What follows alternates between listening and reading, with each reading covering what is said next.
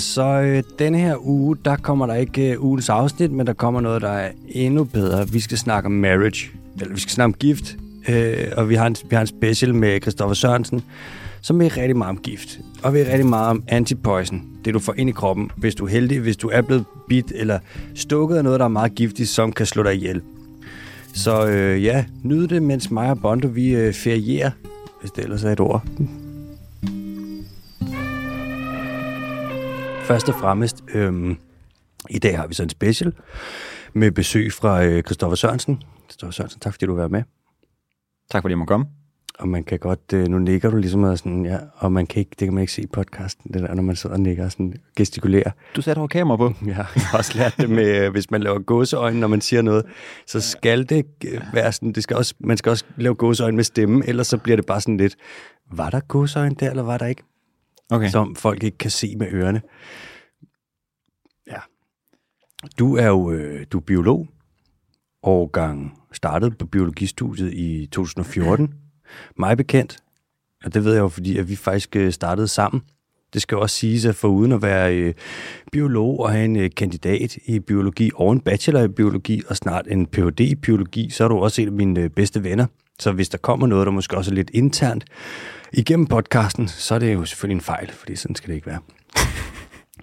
Du øh, har taget din kandidat og din bachelor på KU, Københavns Universitet, og nu er du ved at tage din Ph.D. på øh, DTU. Du har også været på udveksling i øh, Australien, så du ved, hvordan man laver sådan nogle biologiting i udlandet. Og nu forsker du så i noget, der er ret øh, spændende, noget, der er ret farligt, og noget, der er øh, ret relevant. Vil du ikke tage og lige lave øh, den gode gamle elevatortale? Lige tage og bare på et minut, halvandet minut, lige break ned lynhurtigt, bare sådan, hvad er det cirka der, du sidder og forsker i på den her PhD? Jo, det kan jeg godt lige prøve at gøre. Du glemmer faktisk også mit øh, eksotiske udviklings- udvekslingsophold i Norge. Fuck, det er rigtigt, det har jeg glemt. Og der, der sad du der og rode med det der øh, algoritmeprogram, der hedder Python. Yes. Og vi skal snakke om slanger i dag, så det er super relevant. Sorry, Ja. mand. Ret relevant. Mm. Øh, jo, jamen øh, det jeg laver på min Ph.D., eller det vi laver i den gruppe, jeg arbejder i, det er, at vi prøver at genopfinde slangemodgifte, eller modgifte generelt. Og det er, øh, lyder måske ikke så relevant, når man bor i Danmark, fordi i Danmark, der dør der cirka 0 mennesker om året af slangebid. Mm. Men rundt om i den brede verden, der dør der faktisk over 100.000 mennesker hver år. Shit. Så det er ikke noget, vi kender så meget til, fordi de ofte dør i øh, U-lande, som vi ikke hører så meget fra. Øhm, og det er simpelthen fordi, at den nuværende behandling den er for dårlig, og den er også for dyr. Så øh, det, det prøver vi at gøre noget ved, ved at lave den bedre og billigere. Det må jeg sige, det er fandme noget af en elevatortale. Så behandlingen er simpelthen bare ikke alene dårlig, men også super dyr. Altså, den er god nok til, at du ofte overlever med den, men øh, den kan forbedres på mange punkter, og specielt prisen. Helt sikkert. Hvis man sælger dyre ting til fattige mennesker, så har det det med, at det ikke er alle, der kan få det. Okay, jeg er blevet til at spørge om noget allerede nu. Fordi at det her, det, jeg ved, det kommer til at dukke op, og jeg, nu, allerede nu, der har jeg det i baghovedet. Altså, når man har lavet slangegift øh, historisk set, ikke? og man har brugt heste til det, er det så ikke rigtigt, at man har taget heste på sådan nogle hestefarm? Undskyld mig, det er simpelthen bare den der dansk vand. En farlig drik. Ja, helt Den kommer op igen. Ja, du kan godt skrive sådan en lille advarsel på den. Du kommer til at bøvse. øhm, så er man heste, hvor du har en masse af dem et eller andet sted. Og så giver man dem en lille smule gift hver dag, ikke?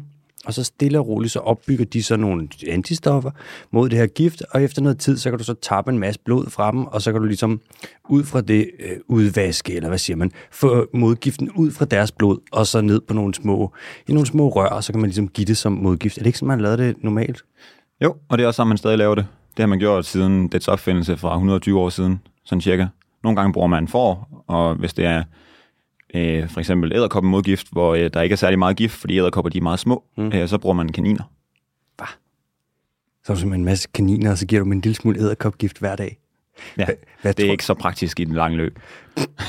Hvad tror du, den hedder, den stilling, hvis man er sådan en, der giver kaniner æderkopgift?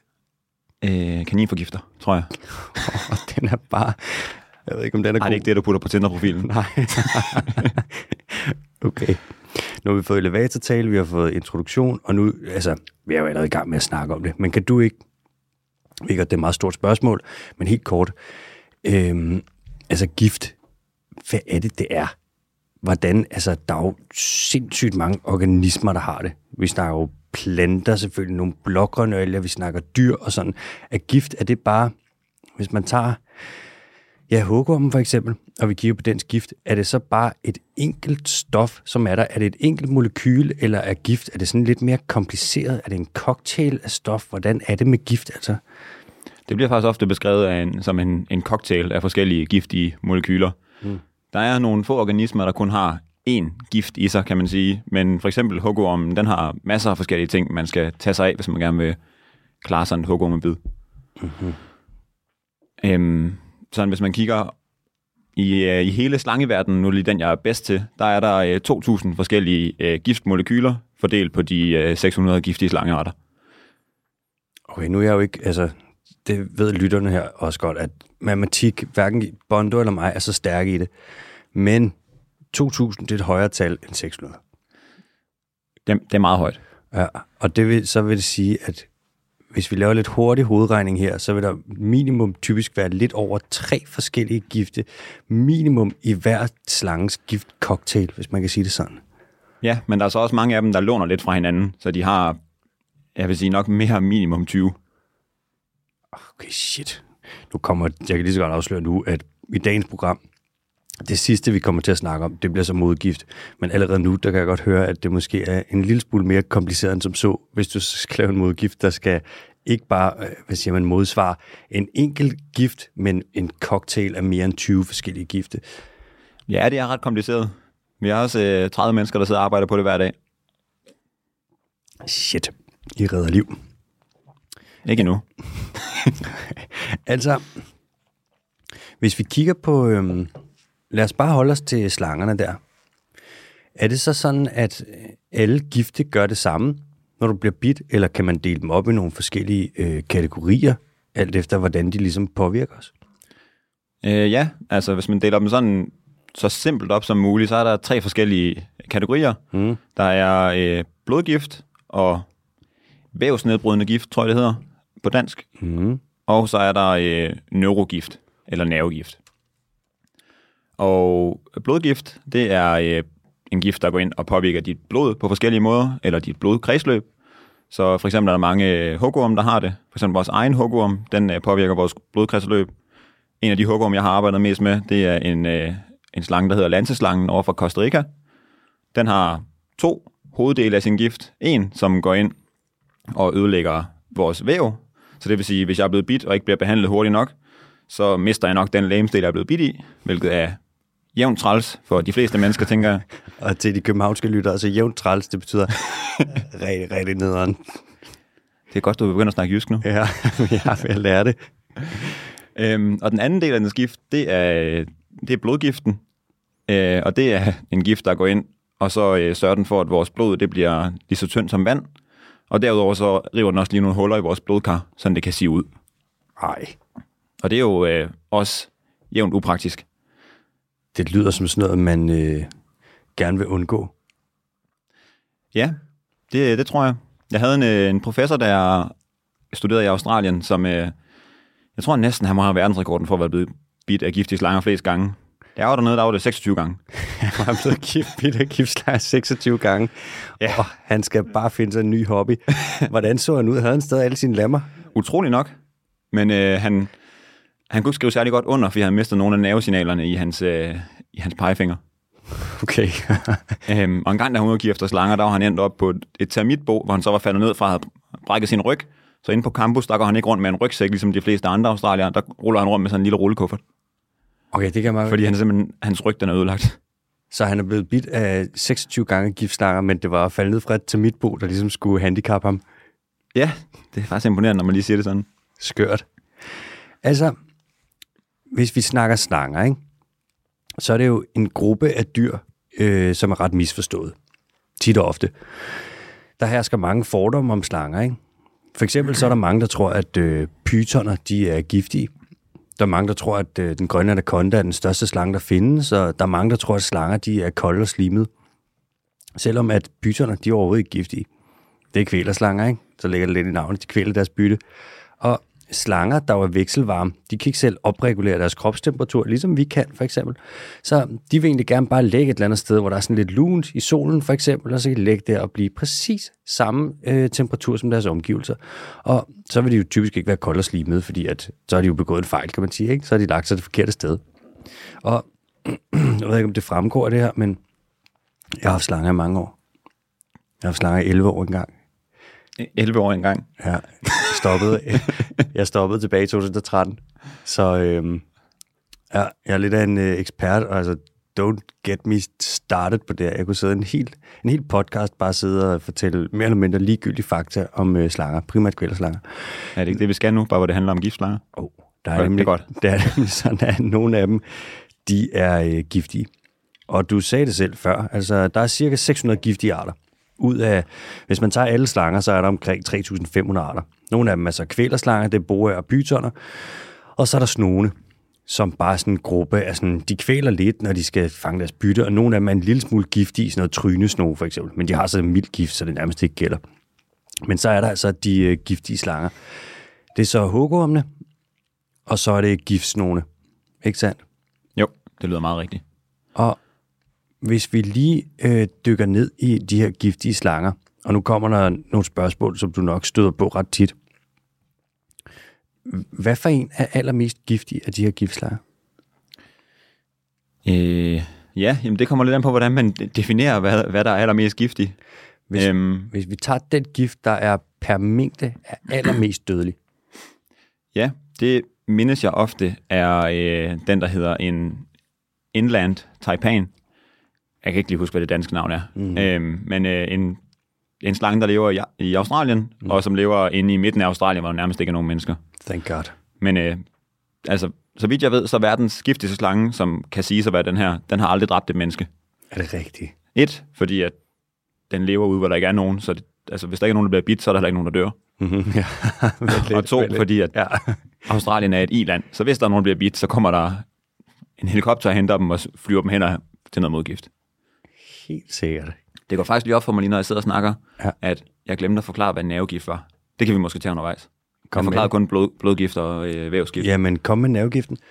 Øh, jamen det er, som det, det lyder, noget, der påvirker nervesystemet. Mm-hmm. Så det vil sige, dit, øh, der er nogen, der lammer dit nervesystem, så stille og roligt fra den muskel, du, eller det sted, du er blevet bidt, der vil det, du begynde at blive lammet. Det vil sige, din hjerne kan ikke sende øh, signaler ud til dine muskler, som siger bøj og stræk, Mm-hmm. hvis du for eksempel er blevet bidt i din arm. Mm-hmm. Det er ikke det værste, der kunne ske, fordi de kan faktisk godt komme igen, de signaler, når man lige får noget modgift. Mm-hmm. Men hvis det når op til vejrtrækningsmusklerne, som ikke kan sige bøj og stræk, som betyder træk vejret og boost ud, Ja. så er det lidt mere problematisk.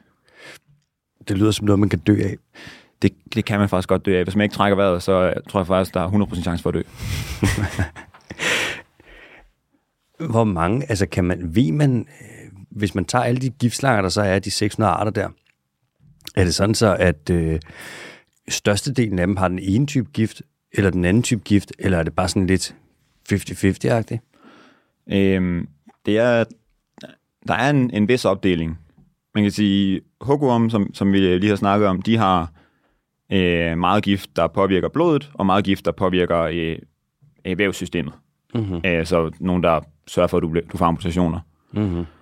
Øhm, og giftsnone, tror jeg, de hedder på dansk, øh, de har mere øh, nervegift, og øh, også noget, der skader øh, vævet. Så det er mest sådan, nervegift, det er giftsno, og øh, blodgift, det er øh, hugorm.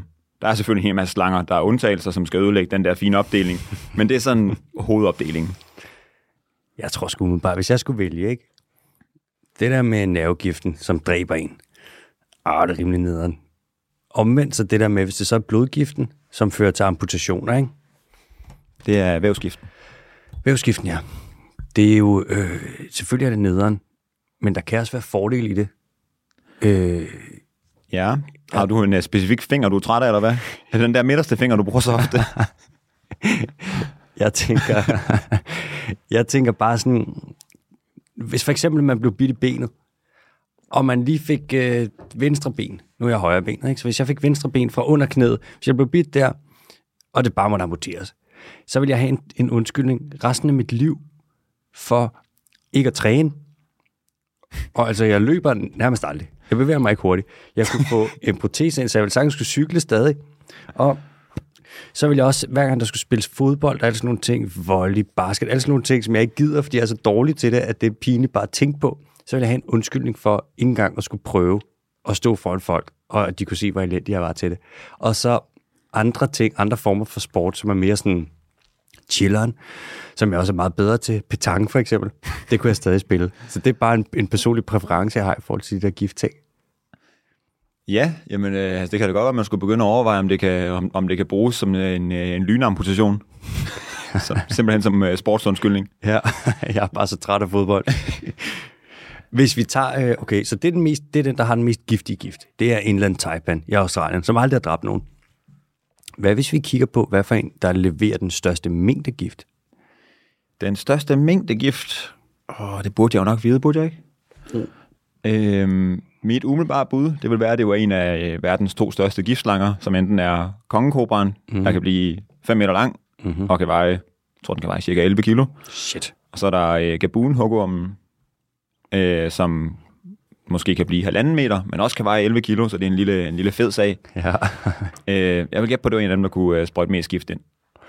Gabon der, det er også den, der har øh, de længste gifttænder af alle slanger, så vidt jeg ved. Yes. Lige op til sådan noget 5 cm lange, ikke? 5 cm lange. Så den, der bare ligner en, en blodpølse. Ja.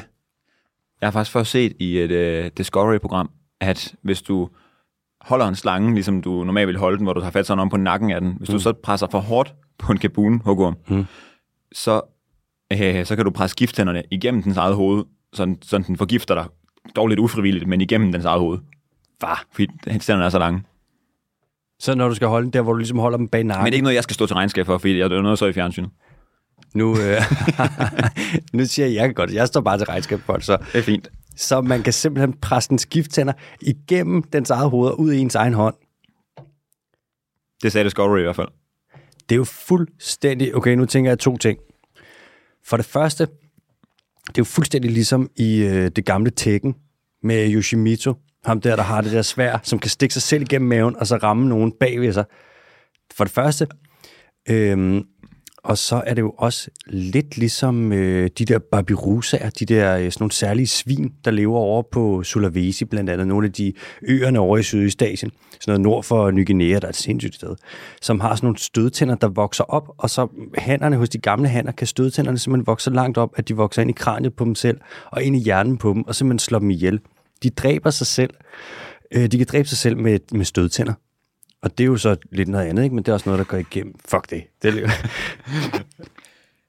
det virker ikke som en praktisk del af evolutionen, kan man sige. Men altså, det er selvfølgelig, når, når, øh, når dyr bliver for gamle, så, så skal de jo dø på en eller anden måde. Det må bare kan man så godt bare gøre det langsomt med sine egne tænder, åbenbart. Og bare være så nederen, ikke? Og bare se ens tænder vokse, og bare vide sådan, åh, oh, fuck, mand, jeg har to uger tilbage, så er det simpelthen, så er det, så er det slut. slut. Kommer ind og trykker på sluk-knappen. Okay. Hvis vi så kigger på, hvad for en slange, som, og det er jo der, hvor jeg vil sige, den farligste slange, det er jo den, der dræber flest. Ligesom det der med sådan, den farligste plante i verden. Hvis man gør det op statistisk, så er det jo faktisk tobak. Men hvis man kigger på, hvad for en slange er den, der dræber allerflest, forårsager flest dødsfald, hvad er det så for en? Øhm, hvis man snakker om sådan lige præcis hvilken slange, så er det, det er lidt svært, men hvis man snakker om hvilken gruppe af slanger, så er det de slanger, der hedder tæppehugorme. Tæppehugorme. Mm i hvert fald en, øh, en bred, bred enighed om. Mm-hmm. Øh, Tæppehukum, de lever i øh, Afrika, syd for Sahara, og så lever de i et bælte hen over Mellemøsten, over til Indien. Og øh, jeg er faktisk ikke engang sikker på, at tæppehukum, de er på top 10 over de giftige slanger, slanger i verden. Men de er giftige nok til at dræbe mennesker. Der er mange af dem. De lever af øh, gnaver ofte, som lever tæt på mennesker.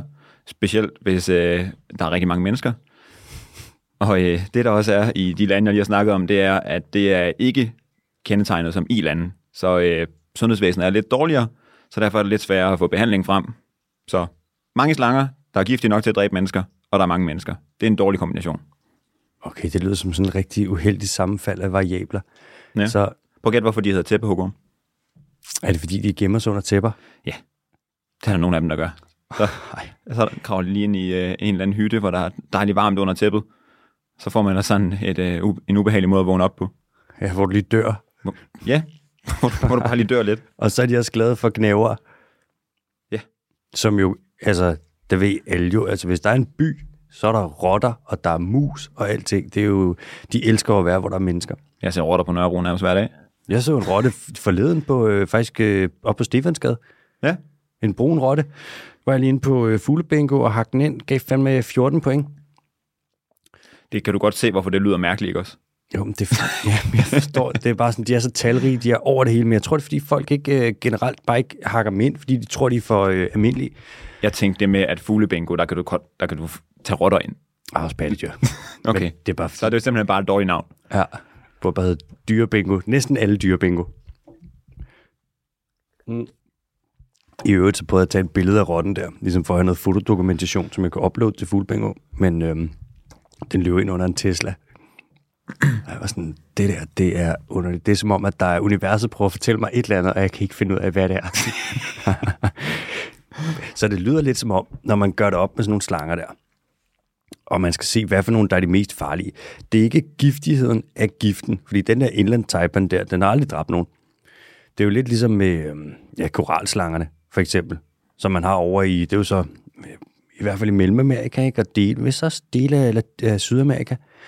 Små slanger med små tænder, som har virkelig, virkelig giftig gift, men de er ikke særlig aggressive, og hvis du endelig tager dem op, og de prøver at bide dig, så er deres mund er simpelthen for lille til, at de rigtig kan de fleste steder. Du kan være uheldig at blive bidt imellem fingrene, der hvor vi har en lille bitte, bitte smule svømmehud, men ellers så, øh, så sker det bare ikke. Så de er pissehammerne giftige, men de er ikke rigtig farlige.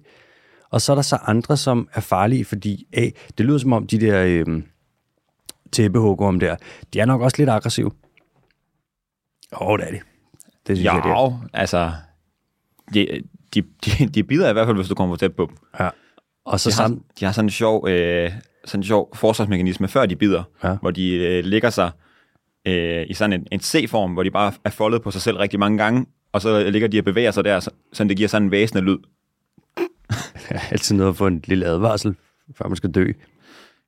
Ja, det kunne jo betyde, at man går tættere på. Ja, ligesom med klapperslangerne. Ja. Det er jo også det, de, de advarer jo ikke. Det er jo tit det med slanger, det ved jeg da også fra, når jeg selv har haft slanger. De væser ikke og sådan noget for at... Altså, det er ikke fordi, de tror og siger sådan, jeg vil gerne angribe dig. Det er mere fordi, de er sådan, jeg er fucking, jeg har trængt op i en krog nu, og jeg har virkelig ikke lyst til det her. Men hvis det endelig skulle være, så skal jeg nok bide. Jeg kan godt gøre det. ja, jeg kan virkelig godt gøre det. Ja. Ej. Jamen, der er jo også... Jamen, de har jo, altså, de har jo ikke så meget lyst til at bide, og giftslanger har specielt ikke lyst til at sprøjte gift ind, mange af dem, fordi det, det koster meget, øh, det koster meget energi for dem at producere den her gift. Mm-hmm. Så der er også ofte, hvor du har, øh, hvor du er blevet bidt af en slange, men det er et tørbid, så det vil sige, at den ikke har sprøjtet gift ind, fordi at den tænkte at den kunne spare det. Og så hvis du så er øh, smuttet væk, efter den har bidt dig med et tørbid, så, så sker der ikke noget, men hvis du kommer igen, så kan det godt være, at det bliver lidt vådere bid, som betyder død. Okay, shit, så de, okay, det vidste jeg faktisk ikke. Det er nok også derfor, der er mange af myter. Der er mange myter om, hvordan man behandler slangebid. Specielt i, i nogle af landene, der ikke har så, øh, så meget råd til modgift, fordi der er der er man lidt nødt til at finde på nogle alternative metoder selv. Klart. Og en af dem, det er sådan en, jeg tror, det hedder en slangesten, Ja. hvor øh, man kan lægge en helt speciel sten ovenpå der, hvor man er blevet bidt, Mm. og så øh, i nogle tilfælde vil den suge giften ud, går teorien. Der er, der er mange, der har mistænkt, at den her, øh, at den her slangesten, den simpelthen virker, fordi at de har lagt den oven på et tørbid. ja. Så de har bare lagt den oven på to huller i huden, og så, øh, og så har den reddet dem. Det er jo for grineren. Det er jo bare altså, slangegift sten ekvivalenten til, når man lige kommer til at spille vand i computeren og putter ris på. Ja, bare risene, de virker. Ja. og det er et farligt myte. Det er det bestemt. Okay, ja, men det virker også som om, at jo øh, længere, jo dårligere, dårligere infrastrukturen og øh, sundhedsvæsenet er i et område, jo farligere bliver slangerne faktisk også på en måde. Ja, det er fuldstændig rigtigt. Og også øh, informationen. Mm, Hvis du, ikke, hvis du ikke ved, hvordan du skal lave førstehjælp til slangebid, så, det, så har du også lige lidt, lidt færre timer til at nå hen på hospitalet. Er der sådan, og nu ved jeg godt, det, det er et stort og svært spørgsmål, øhm, men hvis man tager de her 600 giftige slanger, der er, ikke? er der sådan et, et tidsrum, rimelig fastlagt imellem dem, hvor man kan sige sådan, du skal have behandling inden for det tidsrum, ellers så kommer du til at miste lemmer, eller du kommer til at dø. Hvor stort er spændet ligesom?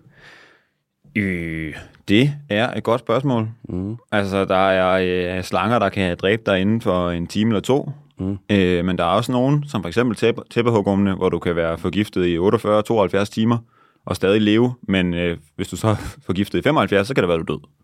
Ej, det må være sådan ned. Så det kommer lidt an på, hvad det er for en gift, og det kommer også lidt an på, hvor du er blevet bidt hen, hvor lang tid det tager at komme ud i, øh, i dit blodomløb. Hvis du er blevet bidt lige ned i en blodår, så kan det godt være, at det var, øh, det var en meget, meget hurtig død, du fik.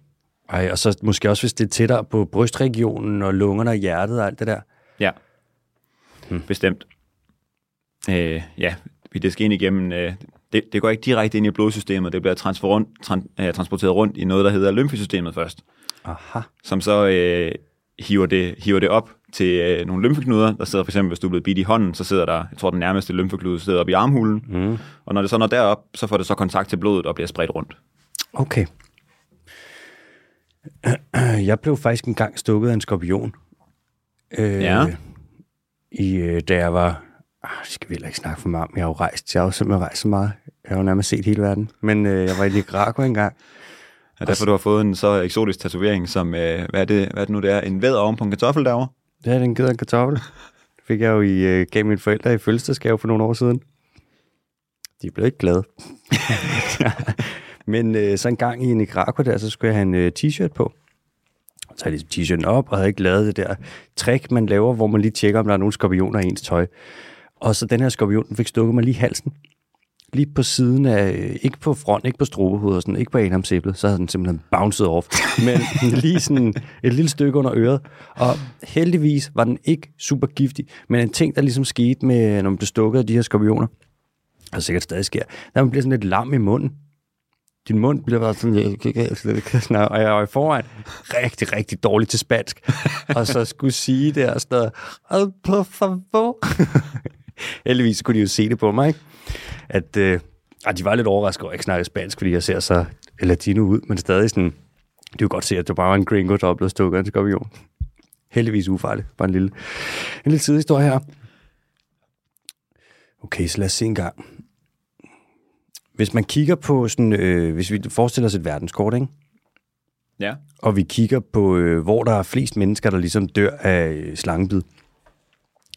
Kan vi, er det så direkte korreleret med øh, hospitalsvæsenet og sundhedssystemet i de her områder, så man kan se, at der, hvor det ligesom ja, ikke er så, så godt, øh, der, er der, der er det der, hvor der er flest, der dør, og så der, hvor det bare er ja, hospitalsvæsenet og sundhedsvæsenet, det spiller, der er der ikke så mange, der dør. Er det sådan?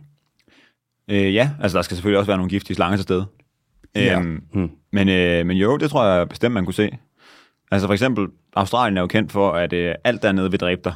Ja. Øh, og de har de, de fleste af verdens giftige slanger. Mm. Men øh, jeg tror, jeg ikke huske, jeg tror måske, det er fem mennesker, der dør om året af slangebid.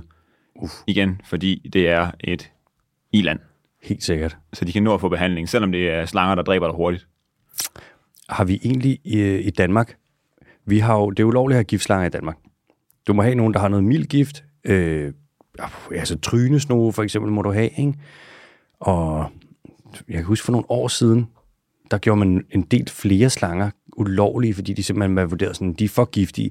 Så man kunne argumentere for, at det eneste modgift, vi burde have i Danmark, det var modgift mod hugormen, som jo er den eneste giftslange, vi har herboende. Men samtidig så har man jo i Danmark det med, at der er folk, der har slanger på ulovlig vis. Altså ligesom at der er folk, der har øh, tigerpytoner, selvom man ikke må. Netpytoner, grønne anacondaer. Der er folk, der har krokodiller, selvom de faktisk ikke må. Øh, så er der også nogen, der har øh, giftslanger. Og der er det jo lidt et dilemma, fordi skal man have modgift i Danmark, så man kan give modgift til dem, der har slanger på ulovlig vis, eller skal man sige, fuck it, mand, det er en helikopter til Stockholm. Ved du, hvad gør man? Har vi modgift i Danmark?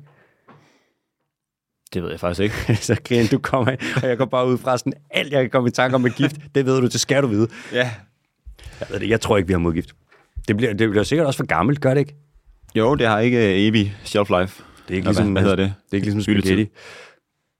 Og det er Bond, du lige stak på den der. Hvad laver du bare, din lille trillenis? Skal du ud og tisse? Jeg tror, man nu har sådan en blære som en, en, en, der har en lille blære. Men jeg kan da også lige stille et spørgsmål omkring gift, hvis det er. Ja, så kom. Gift det er jo ikke noget, man tager, det er noget, man bliver, er det ikke sandt? Det skal ikke et spørgsmål. Snak, snakker du sådan lidt halv jysk, bare fordi jeg er her? Ja, ja. God mand. Øh, jeg kan fortælle, at øh, vi skal til at hoppe videre til næste dyregruppe. Ja, nu er vi simpelthen færdige med slanger. Ja, nu har vi været lidt rundt.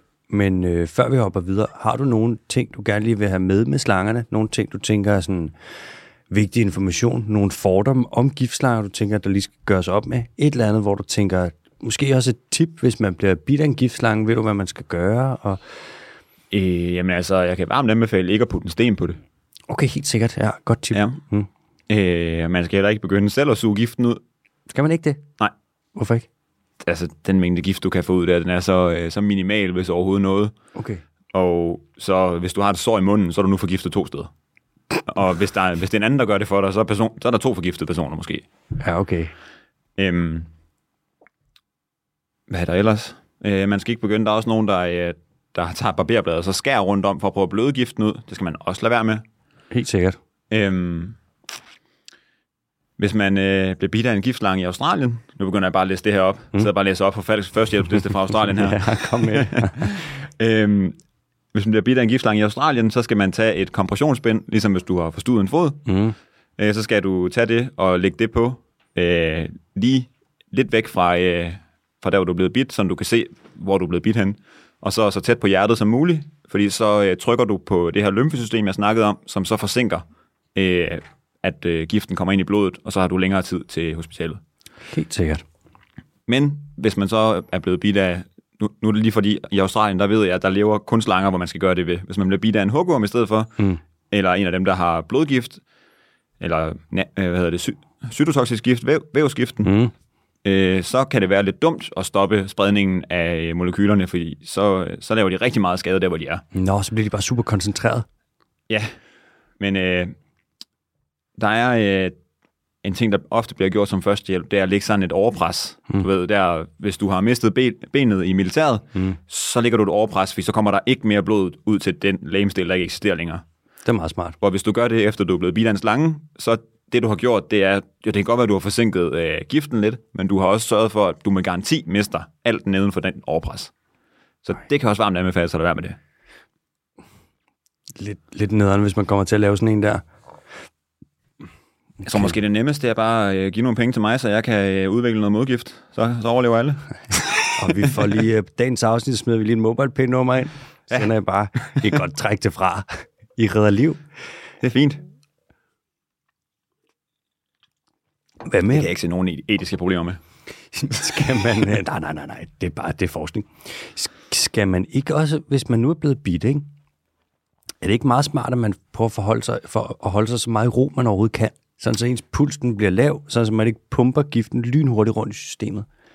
Det var godt, du også lige sagde det, fordi det er faktisk også en af de mest, af de mest gængse ting, man skal gøre. Mm. Så du, du er ved at dø, lad være med at gå i panik. Det, det er lidt sikkert. counterintuitivt. Ja, Og så er der også ofte, man får lagt en, øh, en splint, eller hvad det hedder, mm. øh, sådan du, øh, hvis du er blevet bidt i armen igen, så du ikke kan bøje armen. For hver gang du bøjer den, så pumper du blod rundt. Helt sikkert. Og så hvis du kan komme på en borger og kan blive båret hen til øh, den bil, der skal køre dig på hospitalet eller helikopter, så er det også bedre. Hvad hvis man øh, bliver bidt af en hugorm i Danmark?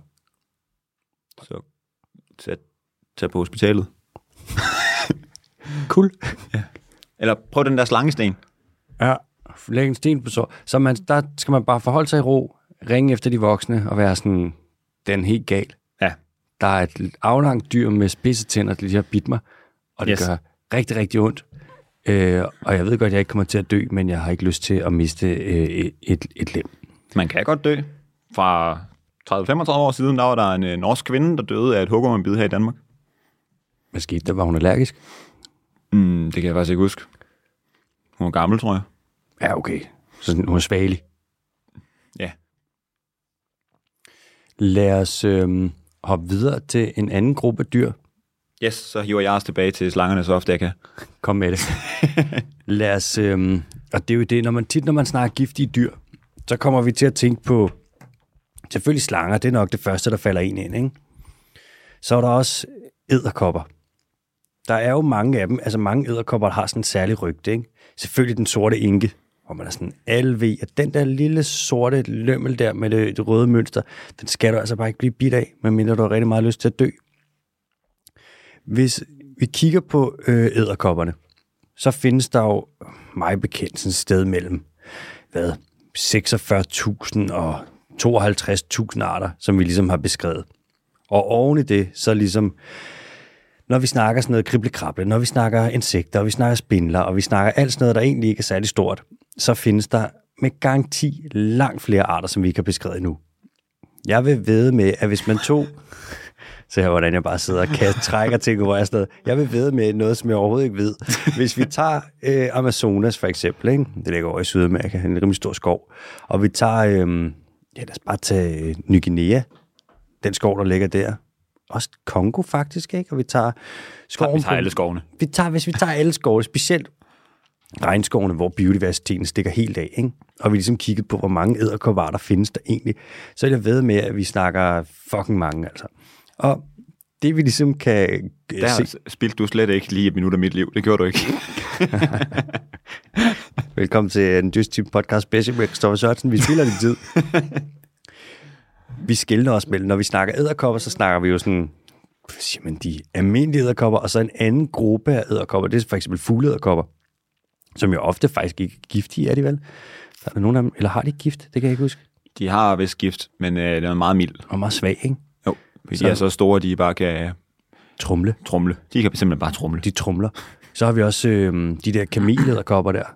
Dem, som man har set tit sådan noget... Øh, faktisk mange soldater og sådan noget, der har været i Mellemøsten, har taget billeder med dem. Dem, der ser rigtig nøjere ud. Øh, de er ikke gift. Til gengæld, så kan de bide ret hårdt. Men når vi snakker sådan de... Lad os bare kalde dem de almindelige æderkopper. Så er næsten samtlige af dem, de er altså giftige. Og øh, de fleste af dem, de er så ikke farlige for mennesker, Selvom at det selvfølgelig ikke er det fedeste at blive bidt af en øh, æderkop. Det kan jo godt være lidt nøjeren. Men hvis vi kigger på æderkoppernes gift, ikke? og så i forhold til slangernes gift, er det så det samme? Fungerer de på samme måde? Er det ligesom samme, hvad siger man, cocktails? Gør de det samme ved os? Øhm, nu er jeg øh, meget mindre øh, ekspert lige på æderkoppergift, vil jeg lige hurtigt advare om. Ja, øhm, ja, ja. Men øh, så vidt jeg ved, så er æderkoppergiftene, de er ofte noget simplere sammensat end, øh, end slangerne. Mm-hmm. Øhm, og de, øh, de fleste af dem, de vil øh, nok også være mere øh, nervegift, end de vil være blodgift, fordi at de lever oftest af insekter, som ikke har et øh, varmblodet kredsløb. Det vil være min umiddelbare gæt. Og faktisk meget godt gæt. Jeg arbejder også med det til hverdag. Er der mange, øh, nu som sagt, nu kender vi, ja, lad os bare sige, cirka 50.000 æderkopparter, ikke? Er der mange af dem, som kan slå os ihjel? Nej, Hvor mange kan det? jeg vil gætte på mm, en, en 10-20 stykker. 10-20 ud af 50.000? Ja, hvis man tager sådan, øh, hvis man i stedet for øh, art siger sådan en gruppe af æderkopper, så en 10-20 grupper af æderkopper. Helt sikkert. Så alle dem, der er i familie med den sorte enke, Mm-hmm. øh, og ja, hvad er det, de hedder, nede i øh, Sydney, i Sydney Funnelwebs. uh, øh, ja. Trækspændere, tror jeg, de hedder på dansk. Ja, ja, trækspænderne er. Yes. Øh, så er der også, jeg kan jo huske de danske navn for dem. Skulle jeg have forberedt det, inden jeg kom ind? Nej, nej, nej, fuck, det kommer de engelske. Øh, en, der hedder Recluse, Recluse Spider. Recluse spider, er det bare en enkelt art? Det er nok en gruppe af arter. Okay. Recluse, ja. Øhm, så kan jeg faktisk ikke huske, om der, der er nok flere, jeg, har- jeg har glemt. Så øhm, sorte inker, de findes, nok- hvor er det, de, de findes henne? De er rimelig spredt ud, ikke? Øh, altså, de findes i hvert fald i Amerika, og så i Europa, tror jeg også, de findes. Okay. Øhm, men de er sådan en... Øh, gruppen af dem hedder ægte inker. Ja. Og ægte inker, de findes, eller inkeæderkopper, de findes i Australien, hvor de bare hedder redbacks, Mm-hmm. fordi de er røde på ryggen. Godt navn. Øh, så sorte inker i øh, USA, Mm-hmm. og ja, i, øh, jeg tror også bare, de hedder sorte eller røde inker i øh, Europa. Hedder de egentlig inker, fordi at hunderne spiser hannerne, så snart de har kopuleret? Det skal det nok være. Pas. Så Kopul- Kopuleret er et meget fint ord. mm-hmm. De har engageret sig i, øh, i samleje, sexual intercourse, og så øh, spiser hun handen. Han, lige pludselig ja. går han fra at være elsker til bare at blive til en snack. Yeah. Sådan Man, det kan, man har altid lyst til en snack bagefter, har man ikke?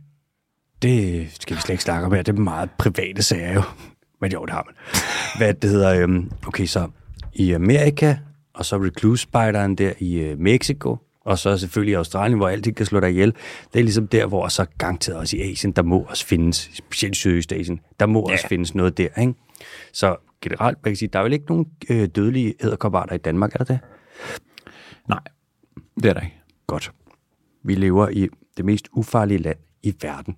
Vi har en, vi har den, den giftige hugorm, så har vi også fjæsing og sådan noget, men det er til havs, det skal vi slet ikke snakke om. En hugorm, hvor det, du skal gøre, når du bliver bidt, det er, at du skal synes, bare lægge dig ned, og så skal du trække vejret så dybt, du overhovedet kan. Få pulsen så langt ned, du overhovedet kan, mens du lige så forsigtigt ringer efter hospitalsvæsenet og siger, fucking hjælp mig. Og så kommer de og hjælper dig, og der er ikke nogen, der er døde de sidste 30-40 år af hugormbid. Vi lever i det mest ufarlige land. Altså det mest farlige i Danmark, det må være diabetes. Det er simpelthen utroligt. Så der er vel ikke med 10-20 arter, er der, der, er der grund til at være bange for æderkopper? Hvis man er ude og sådan ser en æderkop, så generelt, så er der vel kæmpe stor chance for, at den simpelthen bare ikke kan slå dig ihjel. Ja, der er ikke nogen grund til at være bange for æderkopper. Men altså, der er heller ikke nogen grund til at tage æderkopper op i hånden. Så er man ligesom på den sikre side. Og god. Og hvis du øh, går rundt i, øh, i Australien, så hvis du ser et eller andet hul i jorden på størrelse med sådan, øh, hvis du tager din øh, tommelfinger og pegefinger og sætter sig sammen, mm. så er det værd med at stikke fingrene ned i det. så, specielt hvis det er fyldt med spindelvæv rundt i kanterne. og det virker utroligt, man skal sige det. Det kan også være for griner, hvis det var ens første impuls. Specielt når du er i Australien. Du ser et hul. Rimelig stort. Rimelig meget spillende hvor du sådan, det der hul, det skal jeg have så mange fingre ned i, som overhovedet muligt, så hurtigt muligt. Det virker som en sindssygt god idé. Man skal ikke undervurdere. Man skal ikke undervurdere folk. Hvad, øhm, hvad for en æderkop er den æderkop, du allermindst vil bide sig? Øhm, Du må lave en, en top 3 også, eller komme med et par arter, hvis det er. Jamen, jeg vil sige, alle, alle, alle dem, der kunne slå mig ihjel. Godt svar. Ja, øhm, jeg kan faktisk ikke huske, hvad for nogle af dem, der slår dig hurtigst ihjel. Men øh, der er mange af dem, der er ganske smertefulde, og det tror jeg faktisk gerne, jeg vil undgå. Det forstår jeg fandme godt. For eksempel mindes jeg, at engæderkopperne, de skulle være ganske ubehagelige at blive bidt af. Og så funnel webs, eller trækspinderne, de, øh, deres gift skulle ikke gøre så ondt, men de har til gengæld sådan nogle hugtænder, der er nok cirka en centimeter lange. Den kan man godt mærke.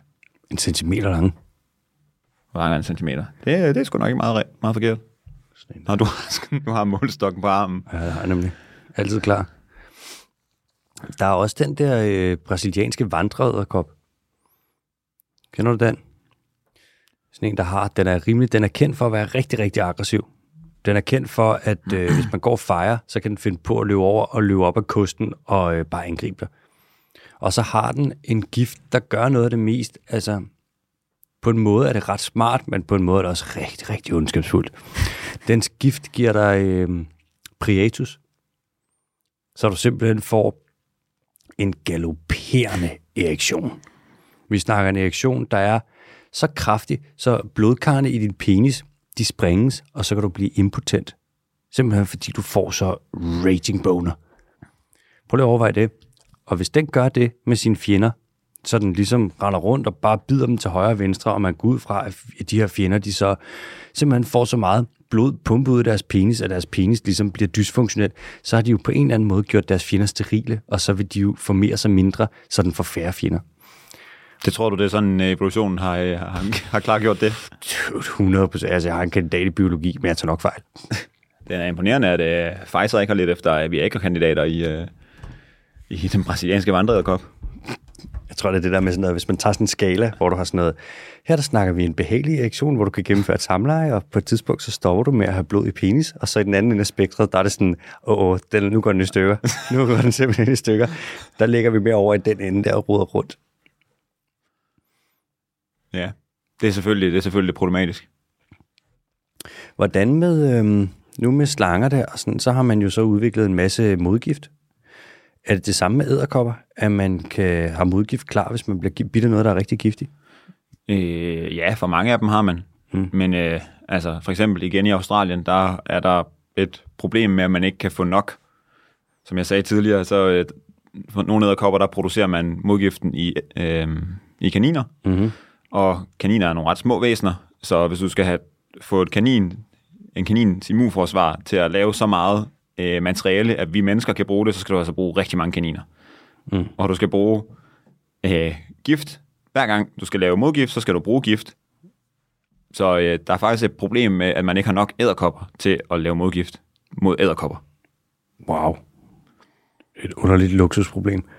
Ja. Nu ved jeg med slanger, når man skal tappe gift for dem, der er der det der, det har vi jo alle sammen set, sådan lidt klassisk, hvor du bare tager et eller andet glas, og så lægger du noget film henover, og så kan du ligesom åbne munden på den, få gifttænderne frem, og så bare lige hakke dem ned der, og så malker du den ligesom, ikke? Hvad med, hvis man har sådan en lille bitte æderkop? Hvordan får du giften mælket fra den?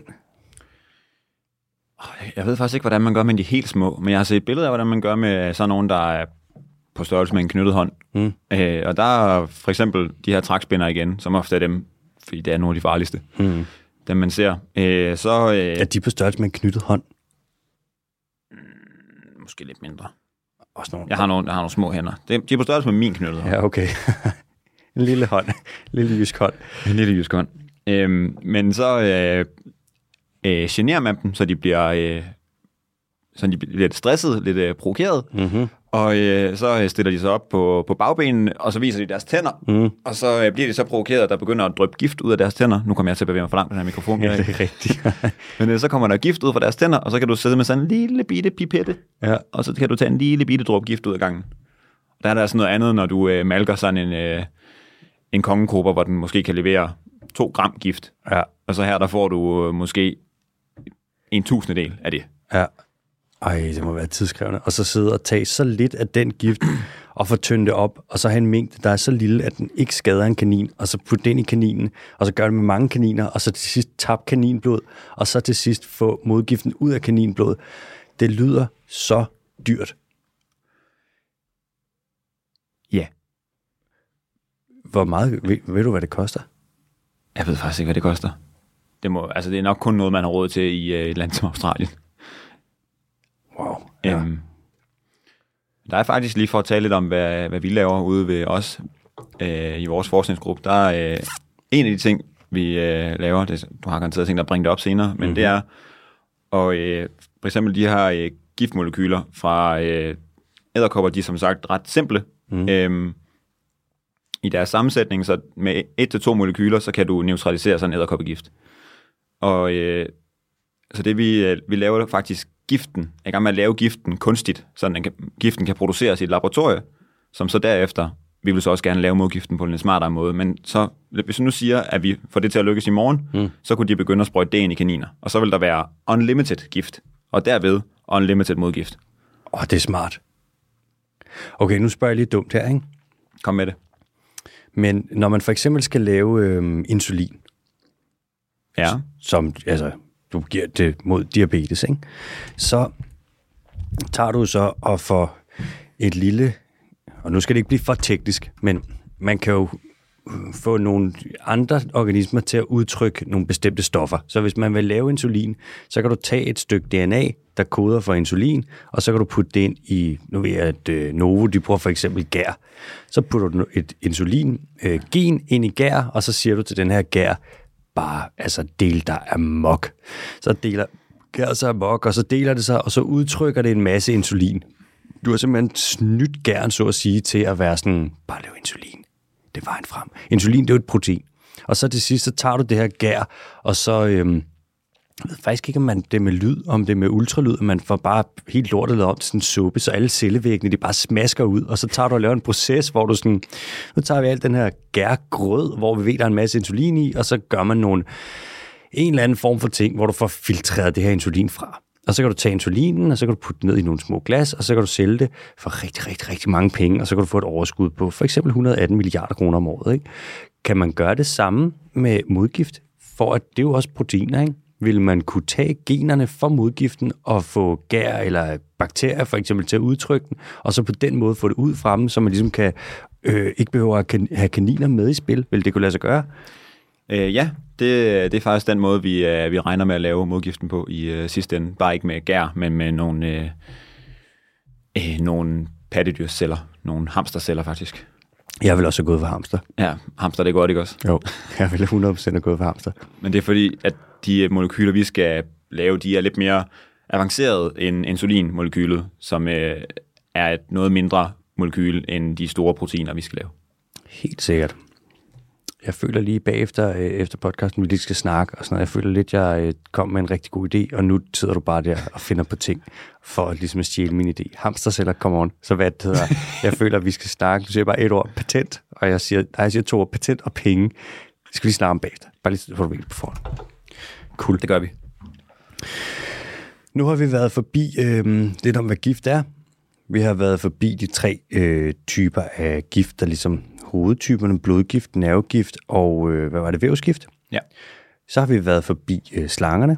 Vi har snakket lidt om, hvordan der er 600 arter af giftslanger, som så er hugormene, og det er giftsnone. Når det kommer til øh, slangenavne, så skal det også siges, at dansk er et handicappet sprog. Altså det der med, vi siger hugorm, og så samtidig så har vi vores eneste giftslange, den kalder vi bare hugorm. Sådan, flot. Der har vi lige taget, jeg ved ikke hvad, 300-400 arter, og så har vi lige givet hele den gruppe samme navn. Den, det navn, den har, det giver vi til vores ene repræsentant. Vi kunne i det mindste have kaldt den, jamen, seriøst, vi kunne i det mindste have kaldt den nordisk hugorm. Eller nu hedder for, på latin, hvad hedder den, øh, Vipera beros, så kunne vi have kaldt den hugorm, eller et eller andet, ikke? Vi kunne have gjort det så meget nemmere. Der har vi ligesom besværligt gjort det. Så så snart man siger hugorm, så hvor i udlandet, der vil du høre viper, og så vil du være sådan, uh, det er en ordentlig gruppe slanger. I Danmark, der er vi sådan, ah, ah, ah, ah. sådan en har min tante engang set.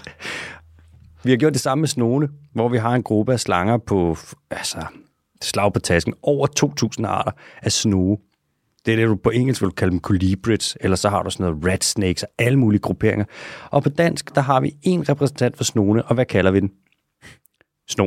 Så vi har igen taget hele, altså vi har gjort det så besværligt med, Danmark har to slangearter, to og en halv, ikke? vi kan være heldige, så kan der også komme en lille eskulapsno op i Sønderjylland, en sjældent gang, men måske en revsno, hvis man er virkelig herpetologisk begavet og løgner. Men vi har meget få slanger, og vi har givet dem de samme navne, som de grupper, de tilhører, og på den måde kompliceret det. Anyways, så sidespor. Det har vi været inde på, og så har vi været inde Hvor på... er du der? Jamen, jeg ved det ikke. Jeg ved det ikke. Sådan har jeg haft de sidste 15 år af mit liv. Så hvad er det, jeg sidder og snakker om nu? Hjælp, afbryd mig. Øh, og så har vi snakket om æderkopper, og nu er der en gruppe af dyr mere. Også en slags spindler, som øh, jeg tænker, vi lige skal ind på. Som jo også er nogle af dem, vi tænker på, når vi tænker øh, giftige dyr. Og det er, vi snakkede lidt om dem tidligere, Det er næbdyr. det er nemlig næbdyrene, som har en lille spore. Hannerne har den lille spore der på forbenet, som giften er ikke farlig, men den gør bare hjernedødt ondt. Og så bruger de når de ligesom skal have sådan nogle kampe og sådan noget i forbindelse med parring og alting, ikke? Og det er sådan noget, nej, hun er fucking min, og så stikker de i hinanden, ikke? Selvfølgelig. Vi kan godt, ved du hvad, vi runder de pattedyrene lynhurtigt. Der er jo ikke mange af dem, der er giftige. Det var ikke meningen, at vi skulle ind på pattedyr. Jamen, nu er vi der. Okay. Vi har næbdyrene, som jo også er sådan noget... Næbdyrene, det er jo ligesom myrepindsvine, de der monotremer, pattedyr, der lægger æg, og sådan, ah, det er lidt spændet mellem et eller andet forskelligt, ikke? Meget primitive pattedyr. Næbdyrene, de er giftige. Er der andre giftige pattedyr? Øh, ja, der er to andre. Ja. Der er, hedder det, en loris på dansk. Ja. En, ja, en loris, som øh, er giftig, der har noget gift, der faktisk minder mest om øh, øh, katteallergimolekylet. Så det er bare virkelig, virkelig voldsom katteallergi, som den, øh, som, den bider dig med. Hvad? Og Så så, du- og så, men det er, det er så voldsomt, at det er betegnet som en gift. Så du får bare sådan sygt meget løbnæse og nyser og får kløende øjne? Nej, jeg tror, det skulle være noget mere ubehageligt end det. Den har, også, den har også ret fint tandsæt, sådan en. Er det ikke den, der har de der kirtler ved albuerne? Jo. Og så sådan, slikker sig på albuerne, og så får den giften ind i munden på den, og så kan den bide? Yes. Det er jo rigtig praktisk. Wow. Og så har vi... Så er der den sidste, som, jeg tror, er det ikke den sidste? Øh, vampyrflagermusen. Men det kommer også lidt an på, hvordan man definerer gift. Men den er defineret som en giftig pattedyr, tror jeg. Er det fordi, den har antikoagulerende... øh, Lige præcis. Ligesom myg. den har en, en form for blodgift. Okay. Sådan at, når den lige øh, kravler op og bider en gris, så, øh, så størkner blodet ikke så hurtigt, så den skal bide den hele tiden. Det er virkelig, virkelig smart. Jeg Kan ikke, Er der, er der flere? Jeg tror ikke, der er flere. Lad os sige, der ikke er flere. Der er også solenodonter. Det er rigtigt. Der er også solenodonter. Og øh, den anden, der minder om den. Sådan en slags... Øh, Den der en mul- spidsmus, muldvarpen. ikke? Ja. Hvad det hedder også, en ting, der jo er, apropos det med det danske sprog, og hvordan det kan være lidt haltende. På dansk, der har vi et ord for gift, og det er gift. Og så er det jo også det, vi kalder det, når man bliver gift. og vi har bare brugt, vi har slidt det ord fuldstændig i stykker, men gift på engelsk, der skiller man mellem to forskellige former for gift, gør man ikke det? Jo, som øh, ofte, ofte misforstås, men det er egentlig, øh, det er egentlig fair nok. Mm. Fordi vi har som sagt kun et ord på dansk. Ja. Men der er poison, og så er der venom. Hvad er forskellen? Øh, jamen, den, den sådan lidt mere øh, kedelige forklarende forskel, det er, at øh, Venom den består af nogle større molekyler, mm. øh, som øh, proteiner, øh, som skal hugges ind i dig, hvis man kan sige sådan. De, de skal krydse din kropslige barriere. Mm-hmm. Det vil sige, teknisk set, så kan du godt drikke slangegift, fordi den kun er i molekyler, der, vil blive, der ikke går igennem din, øh, din slimhinder. De er simpelthen for store, de molekyler der? Ja, Okay. men det er kun rent teknisk set, fordi du vil altid have et eller andet sår på vej ned igennem, mm. hvor de så vil komme ind igennem. Så lad være med at drikke slangegift. Det, jeg sagde det faktisk aldrig. Ja, godt lille tip der. Lad være med at drikke slanggift. Ja, det, hvis I skal tage noget med fra i dag, så er det det. Ja. Og det med stenen. Det er det, hvis det er. og hvis I kommer til at drikke det, så bare lægge en ordentlig sten på maven. Yes. Men så er der øh, poison, som øh, består af mange øh, meget små molekyler, som øh, kan passere over. Så øh, hvis du spiser øh, noget, der er poisonous, så, øh, så bliver du forgiftet, fordi det kan transportere over. Øh, så det kan også transportere over øh, hud, men øh, specielt øh, slimhinder kan det transportere over, så ned i din øh, mave-tarmsystem. Okay, så øh, planter, de vil aldrig kunne være venomous, de vil kun være poisonous. Ja, der er vist nogle planter, der har sådan en lille prik. Det kan, jeg tror, lad, lad os sige, at de er poisonous. Altid, de er Men der er faktisk den, den nemmeste hovedregel, det er, øh, hvis det bider dig, og du kommer til skade, så er det venomous. Og hvis du bider det, og du kommer til skade, så er det poisonous. God regel. En eller anden dag, så skal det danske sprog opdateres. Det er også bare, fordi vi har så få øhm, giftige organismer på en eller anden måde, ikke? så vi har sikkert bare ikke behøvet ligesom at få skældnet på den måde. Nå, vi skal videre til næste gruppe dyr. Det er skorpioner. Skorpioner. Skorpioner er, for os danskere, der er de jo tit sådan lidt eksotiske. Vi ser dem jo ikke. Vi har jo modskorpioner, som basically bare er bitte små, og så ligner det bare en skorpion uden hale, fordi det er jo også egentlig lidt det, der. Men så snart man kommer bare lidt sydpå, så er der altså skorpioner, så er det helt almindeligt at se. Man vender sig til det. Det er ligesom sådan nogle, hvad det hedder, hulederkopper, hvor sådan, uha, det er noget, vi ellers bare tænker sådan, findes det overhovedet? Hvad det hedder, øhm, og hvis du tager det troberne, så kommer du ikke udenom dem. Hold kæft, der er simpelthen øh, skorpioner over det hele. Hvis vi kigger på dem, hvor meget, de kan lave lidt ravage med den hale der. Men hvor meget ravage kan de lave? Altså, er der skorpioner, der kan slå dig ihjel? Ja, det er der. Øh, Jeg kan ikke lige huske helt præcis, hvor mange arter der er. Mm. Men der er, øh, der er folk, der dør hver år af skorpioner. Nu kan jeg ikke lige huske, hvor mange, men jeg tror ikke, det er helt forkert, hvis jeg siger 5.000 mennesker. 5.000. Måske. Se, se på tvivlen i mine øjne. Ja, jeg kan godt se det. Det er noget med, og nu kan det godt være, at jeg husker forkert, men er der ikke en slags skorpion, som er... Nu de fleste af dem, der dræber folk, de er jo den der gruppe af skorpioner, der hedder de fedhalede, ikke? Jo, det skal nok passe. Jeg tror jeg vist nok. Der er sådan en gruppe af skorpioner, som ligesom er dem, der er mest giftige. Og så, som altid, så er der en uregelmæssighed, og så er der en art, der står udenfor. Den der, der lever nede ved øh, Iran af, og sådan, som ja. Ja. har sådan en gift, og nu kan det godt være, at jeg husker forkert, men hvor, når du bliver stukket, så tit så opdager du det faktisk ikke. Det er rigtigt. Hvad sker der så? Øh, jamen, hvis vi lige tager de fem andre, eller, eller de andre skorpionarter, Mm. øh, der, øh, altså, de har ofte en nervegift, og en nervegift, den vil du ofte kunne mærke, fordi den går ind og påvirker dit nervesystem, mm. og smertereceptorer, det er også nervereceptorer, så øh, derved vil du, øh, det vil gøre sindssygt ondt at blive stukket af en skorpion. Okay, helt sikkert. Men så er der lige den her anden skorpion, som i stedet for nervegift, så har den blodgift og vævsgift. Mm. Øh, så den giver sådan en lille prik, som du ofte ikke mærker, og så, øh, jeg kan ikke huske, hvor lang tid der går, jeg tror faktisk, der kan gå op til 48 timer, hvor, du, øh, hvor den her gift har rodet rundt ind i dig og lavet ravage, uden du har mærket det. Mm-hmm. Øh, og så øh, opdager du det, når øh, du står og tisser, og lige pludselig, hvis man øh, for eksempel bedre kan lide at sidde ned og tisse, eller ikke har muligheden for at stå op og tisse, så kan det være, at man sidder ned. Mm-hmm. Men øh, når, når, når du tisser, så øh, vil din tis simpelthen være øh, brunlig eller rød, fordi der er sket så meget skade ind i din krop, at der begynder at være øh, vævsskade i din tis. Ej, seriøst. Det er bare stadig, det har engang prøvet efter Roskilde, det der. Det var nok ikke en skorpion, var det? Nej, der var rigtig mange bajer. Hvad er det ligesom, når man har spist for mange røde bedre, så bare i stedet for, at det er sådan et rødt farve, så er det simpelthen bare fordi, du begynder at gå i stykker. Du pisser bare din egen krop ud. Ej, hvor er det. Nogle gange, der kan dyreverdenen seriøst bare være det værste. Ja, så det, det, det er jeg er ret sikker på, at det er den skorpion, der også dræber flest i verden. Simpelthen fordi man ikke opdager det. Du opdager det ikke, indtil du bare begynder at pisse dig selv ud. Ja. Øv, mand. Rigtig meget jo.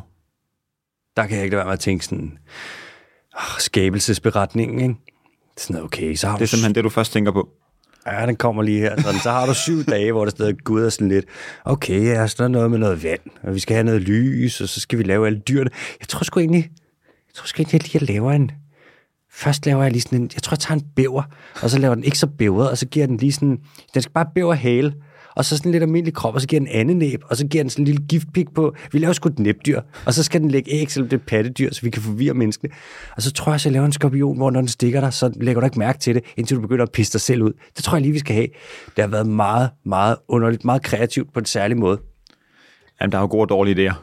Det, de dårlige idéer er også bare blevet fyldt ud af livet. Ja. Okay, så skorpioner generelt set, så øhm, mærker man det altså, når man bliver, når man bliver stukket. Med mindre yes. det er den ene der, hvor du ikke mærker det. Det kan du også selv se på den der, øh, den der stak dig i halsen. Grunden til, at du øh, fik øh, sådan en mund, der ikke kunne snakke spansk længere, selvom ja. det, jeg har, har mistænkt for, at den aldrig kunne, men i hvert fald en undskyldning for, at du ikke kunne snakke spansk, øh, det er jo fordi, den er gået ind og påvirket dine, øh, dine nervebaner. Nå, så er det derfor. Det er virkelig heldigt, at det ikke var en mere giftig skorpion, når nu den stak mig i halsen. Det er, jo, det sted på kroppen, der er tættest på både hjernen og hjertet. Det er virkelig et lortet sted at blive stukket. Ja, det, det kan ikke anbefales. Mm-mm. Altså, hvis vi kigger uden om æderkopper og slanger og skorpioner, så er der også en masse andre giftige dyr øh, organismer. Som vi var inde på, så øh, er der nogle giftige pattedyr. Der er rigtig mange giftige planter. Så er der selvfølgelig også padder, som jo er giftige. Der kender vi jo, øh, det er jo så primært pilegiftfrøer, som faktisk mig bekendt er nogle af de allermest giftige dyr, der overhovedet findes bitte små farvestrålende frøer, typisk i slægten øh, Dendrobates, ikke, som lever over, typisk også i øh, Latinamerika, hvor nogle er masser giftige, så altså, du skal nærmest bare kigge på dem, og så, øh, så dør du, ikke? Jo. Så, så har vi, der er også giftige bløddyr, for eksempel blæksprutter.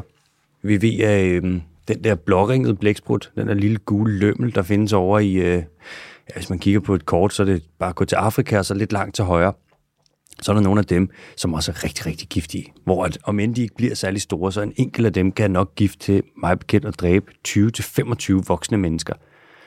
Det skal nok passe. Og den bliver ikke større end en, øh, en, en, en, en håndstørrelse eller sådan noget. Utroligt.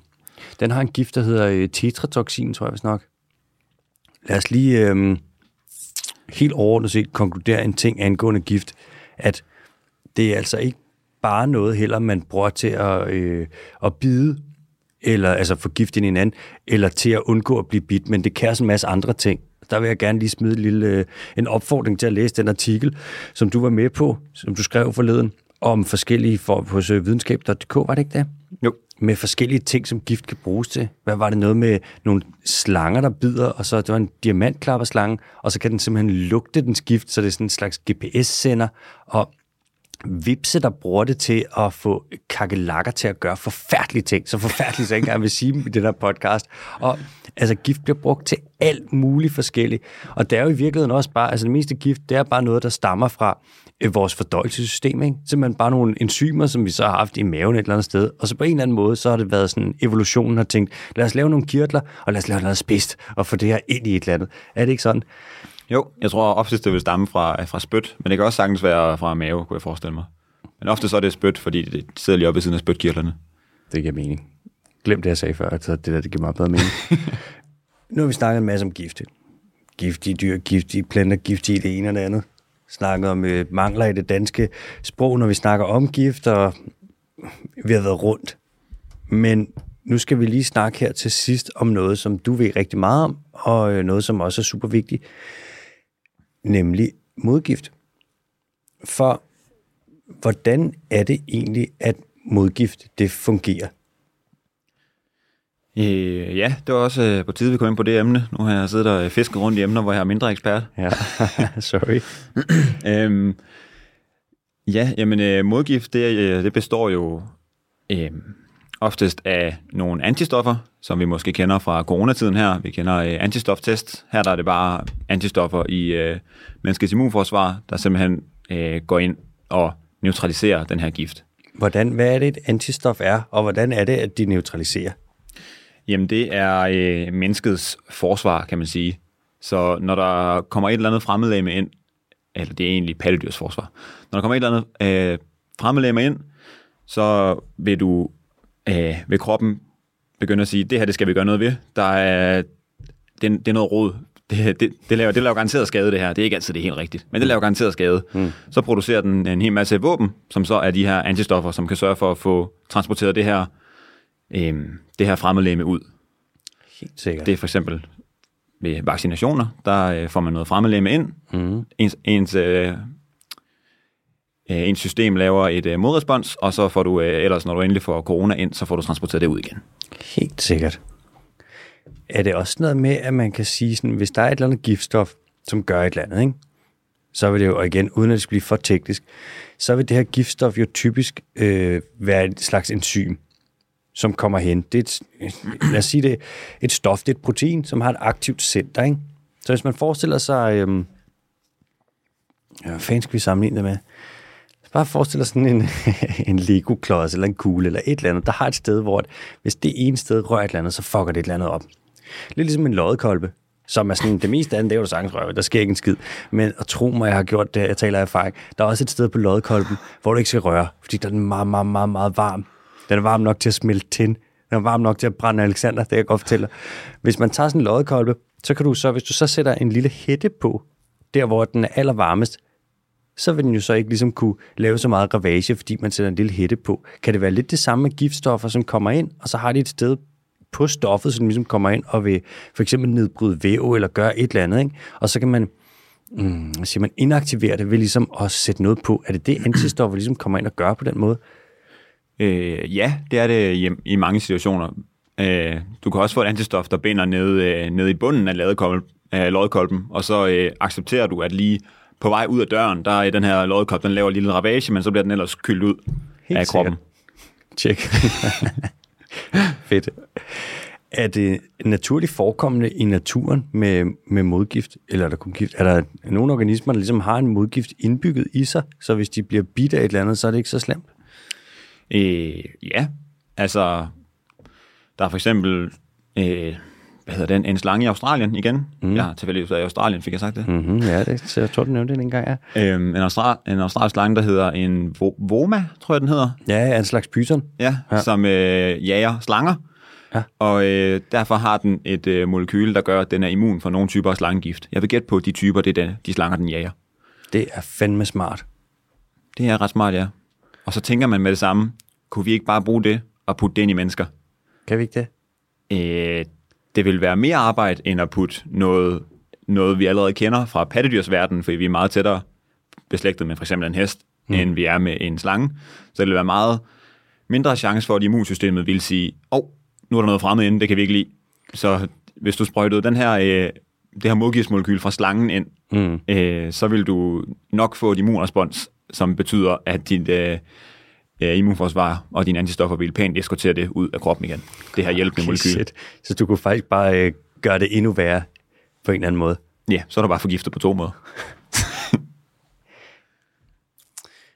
Altså, det lyder lidt som om, også når man skal lave sådan noget modgift, der, er sådan, at det er vildt besværligt, og det er øh, vildt dyrt. Laver man det kun, hvor du ligesom øh, får det ind i organismer, og så ligesom får dem til at, eller får giften ind i organismer, og så får dem til at producere modgiften, eller laver man også modgifte fra scratch, eller hvad man kan sige? Øh, det gør man endnu ikke, men det er jo det, vi arbejder på.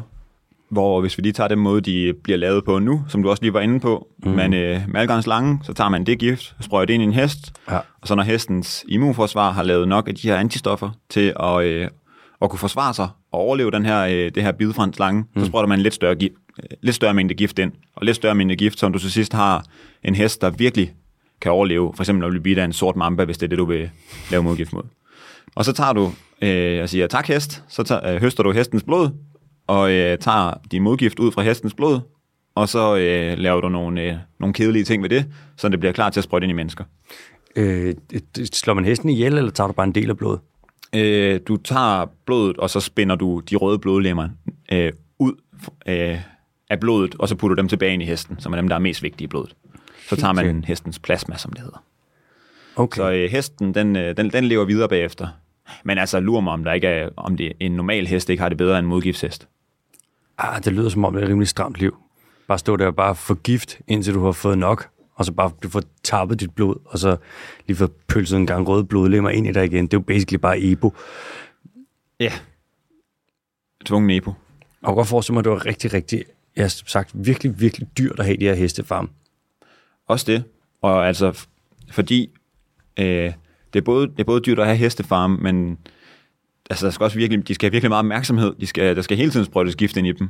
Øhm, og det andet problem, det er, hvis du har en slangegift, så lad os sige, hvad var det, vi sagde, der er minimum 20 molekyler i en slangegift. Det er nok højere end det. Hmm. Men der er måske kun fem af dem, der er farlige for mennesker. Men når du bare sprøjter hele slangegiften ind i en hest, Hmm. så he- hestens immunforsvar, den ser alle de her 20 molekyler Klart. som øh, fremmede, fremmedlemmer, Hmm. og derfor øh, laver den en modgift mod hver enkelt lille molekyle. Så øh, når vi får en øh, hestemodgift, så kan det være, at vi får 25 procent, vi rent faktisk har brug for, og så 75 procent, der bare er spildt. Shit. Og der er også et problem, når man får sprøjtet en hel masse hest ind i sig. Jeg ved ikke, altså jeg er katteallergiker, hvis jeg stikker min næse ned i en kat, så bliver jeg ret allergisk, og der er måske en, en lille, lille bitte smule katteallergi dernede. Ja. Øh, hvis du så sprøjter en hel masse hest direkte ind i blod, blodbanen, Ja. så er det altså et spørgsmål om, hvor slem en allergisk øh, bivirkning du får. Ja, det kan måske faktisk være en, øh, en gift eller en modgift, der ender med at slå en ihjel. Øh, ja, jeg kan faktisk ikke huske, om der er dokumenteret, om det er sket, men det har i hvert fald været tæt på. Uff. Hvad Øhm. det hedder, øhm, hvis man kigger på alle de forskellige gifte, der findes derude, ikke? Alle Ja. de 600 slangers gifte, og æderkopgiftene, og skorpiongiftene osv., har man modgift mod øh, alle sammen? Eller er der mange gifte, hvor man simpelthen ikke har en, øh, en modgift endnu?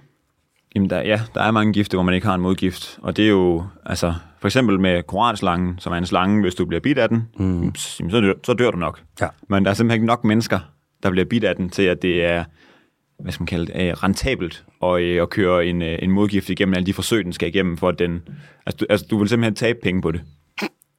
Det Og jeg ved godt, at øh, man ikke kan gøre øh, menneskelige op i penge, men øh, når, der, når øh, statslige organisationer skal se, hvad de vil, hvad de vil støtte, og øh, virksomheder skal se, hvilke produkter vil vi køre videre, så vil de fleste køre dem videre, der giver mest mening. det, giver, Altså- ja, Flest menneskeliv for pengene. det giver på en eller anden måde, så giver det jo faktisk mening. Ja. Men øh, nu har vi jo lige været inde på, hvordan, øh, hvordan den, den gammeldags metode med modgift, mm. det er. Øh, og der vi, vi har jo fundet på en lidt, lidt smartere måde, øh, som øh, blev foreslået af mine vejleder Andreas. Mm-hmm. Yngste professor i Danmark nogensinde, ikke sandt? Yngste professor i Danmark lige nu. Okay, helt sikkert. Jeg mindes, han er den anden yngste, der nogensinde er blevet professor. Ja, og sådan noget som, øh, sådan noget 30 år eller sådan noget. Nej, 35 år, tror jeg. Stadig sindssygt, Han altså. sidder her i en podcast, og jeg ikke huske, hvor gammel han er. Det er Ja. ja. pænt og dejligt at bringe det op. Sorry, Andreas. Men øh, øh, den måde, vi vil gøre det på, øh, det er med en, øh, med en lidt mere opdateret metode. Som sagt, den her øh, den måde, modgift bliver lavet på nu, den er 120 år gammel, den metode, basically, mm. med nogle små forbedringer undervejs. Ja. Men øh, lægemiddel, øh, lægemiddelskaben har set kæmpe store forbedringer undervejs, bare ikke lige det her øh, negligerede område, som er slangebid. Mm-hmm. Så derfor tager, vil vi tage nogle af de øh, metoder, der er udviklet til for eksempel kræftbehandling og andre, der har fået øh, rigtig, meget, rigtig mange forskningspenge, og så tage det, og så bruge det på et lille negligeret område som slangebid. Det er fandme smart. Det, det håber vi på. Øhm, og det vi egentlig gør, det er, at vi, altså, vi opdager de her, øh, de her modgifte, og det gør vi ud fra menneskets eget immunforsvar. Så det, det skal altså ikke forbi en hest. Mm-hmm. Øh, der er nogen, øh, nogle forskere, der de fik Nobel, Nobelprisen for fire år siden, tror jeg, der har simpelthen har taget menneskets immunforsvar ud af mennesket, og så lagt det ned på et lille reagensglas, og så kan man simpelthen fiske deri efter eksempelvis en slangemodgift. Er det rigtigt? Og så tager vi, vi tager malkernslange, Mm. øh, så tager vi giften og deler den op i, øh, i de mest giftige fraktioner. Mhm. Så hvis vi siger, at vi deler den op i 20, så tager vi, okay, de her fem, den ved vi er mest giftige, fordi det er der nogen, der har testet ved at sprøjte dem ind i mus. Mm-hmm. Ja. øhm, og så øh, sætter vi dem en af gangen på en lille, en, lad os kalde det en lille fiskestang, og så fisker vi rundt ned i menneskets immunforsvar og ser, hov, hvad kom der op der? Der kom lige en slange modgift op. Nu sidder jeg og fisker her. Jeg glemmer igen, at vi, er- at vi er... Ja, at, det er at, podcast. det, at det er lydmedie. Er det ikke, jeg kan ikke lade være med at tænke sådan, er alting, man kan forske i, ikke? Er det ikke ret øh, givende, er det ikke ret sådan, på en eller anden måde, nice at sidde der og være sådan, det du forsker i, og det du finder ud af, det kan principielt set redde rigtig, rigtig mange menneskeliv. Specielt hvis det sådan, altså I finder frem til et eller andet, ja, der virker. Jo, det er, øh, det er da sindssygt givende. Sige, Og ja, hvis vi lykkes med det, så tror jeg bestemt, det kan redde mange menneskeliv. Quote. Altså, jeg synes, bare da jeg sad og sådan, den lille smule forskning, jeg har lavet, altså sad et halvt år i et laboratorium, ikke? og analyserede flagmuslort, øh, og der var jeg der sådan følelsen, jeg synes, det er rimelig vigtigt, det jeg laver her, og skriver jeg lige en artikel, som helt sikkert kommer til at blive optaget i en eller anden videnskabelig journal, og så skal jeg nok lige ændre verden med det her, og sad der og var sådan, puh, det var det modsatte af en eksistentiel krise, der tænker, at det topper det rimelig meget, det der, hvor du sidder og fisker rundt, og sidder der og laver giftting, og, sådan, og et eller andet sted ved sådan, ja, det er jo meget godt argument for at gøre det, at sådan, så er der lige et liv reddet her, et liv reddet her. Altså, øhm, stop, jeg har faktisk ikke mere. Vi er også, vi er gået en lille smule over tid. Jeg skal være ude til middag om øh, 6 minutter, og det tager et kvarter at komme derhen, så jeg kan fortælle dig, at jeg kommer til at komme for sent. Du kan eventuelt give undskyldning med det der med, at du mangler din sidste stump af dit ben. Nå, jeg Så skulle kan lige fikse det på vejen. Ja, helt sikkert. Ej, det er seriøst. Det, jeg jeg tror, det er en rigtig god, dårlig idé, jeg har fået med det der. Øhm, jeg synes, vi har været meget godt rundt med gift. Hvad er det for noget? Dækket nogle forskellige organismegrupper. Snakket lidt om ting. Ikke været for meget inde på noget, hvor at, øhm, der ikke er nogen af os, der ved noget om det overhovedet. Har snakket meget om dyr. Flere eksempler på dyr, der faktisk er cirka lige så store som en hånd. Virker som om, det er sådan en underlig øh, giftig dyr størrelse. Jeg skal nok lige lægge billeder op af min hånd bagefter, så I kan få størrelsesforholdet. Jeg bliver vi nødt til at have. Jeg bliver vi nødt til at have. Og så har vi øh, rundet modgift. Øh, og her til sidst, der vil jeg egentlig bare gerne sige øh, tak, fordi du gad at være med. Tak, fordi du gad at øh, dele ud af din viden. Tak, fordi du kom med det tip om, at det er en rigtig dårlig idé, hvis du bliver bidt af en slange og bare lægge en sten på, og så krydse fingre og være sådan, det, det skal nok virke. Selvom at det godt kan virke, hvis man spiller noget ned i sin computer og så lægger ris på. Det skal man altså bare gøre. Det er noget helt andet. Det virker faktisk. Det er rigtigt. Øh, Du skal heller ikke lægge to og to sammen, og så lige sige, jeg smider, jeg smider ris oven på mit, øh, mit bidsår fra slangen. Det hjælper heller ikke. Noteret. Noteret. Og så, øhm, ja, som tak for, at øh, du vil være med, der giver øh, mig og Bondo sgu en middag, hvor at vi deler den 60-40, han betaler 60. Fordi nu er det mig, der har båret interviewet, og så øh, er det ligesom ham, der betaler for det meste af middagen. Er det ikke rigtigt, Bondo? Bon- Bondo sagde ja. Bondo sagde ja. Hvad, øh, tusind tak, fordi at, øh, du vil være med, Stoffer. Det var en fornøjelse. Jamen, øh, tak fordi jeg måtte være her. Og øh, tak for den fine middag. Jeg glæder mig til at få en øh, kebab på Nørrebrogade. det bliver spidse. Adios.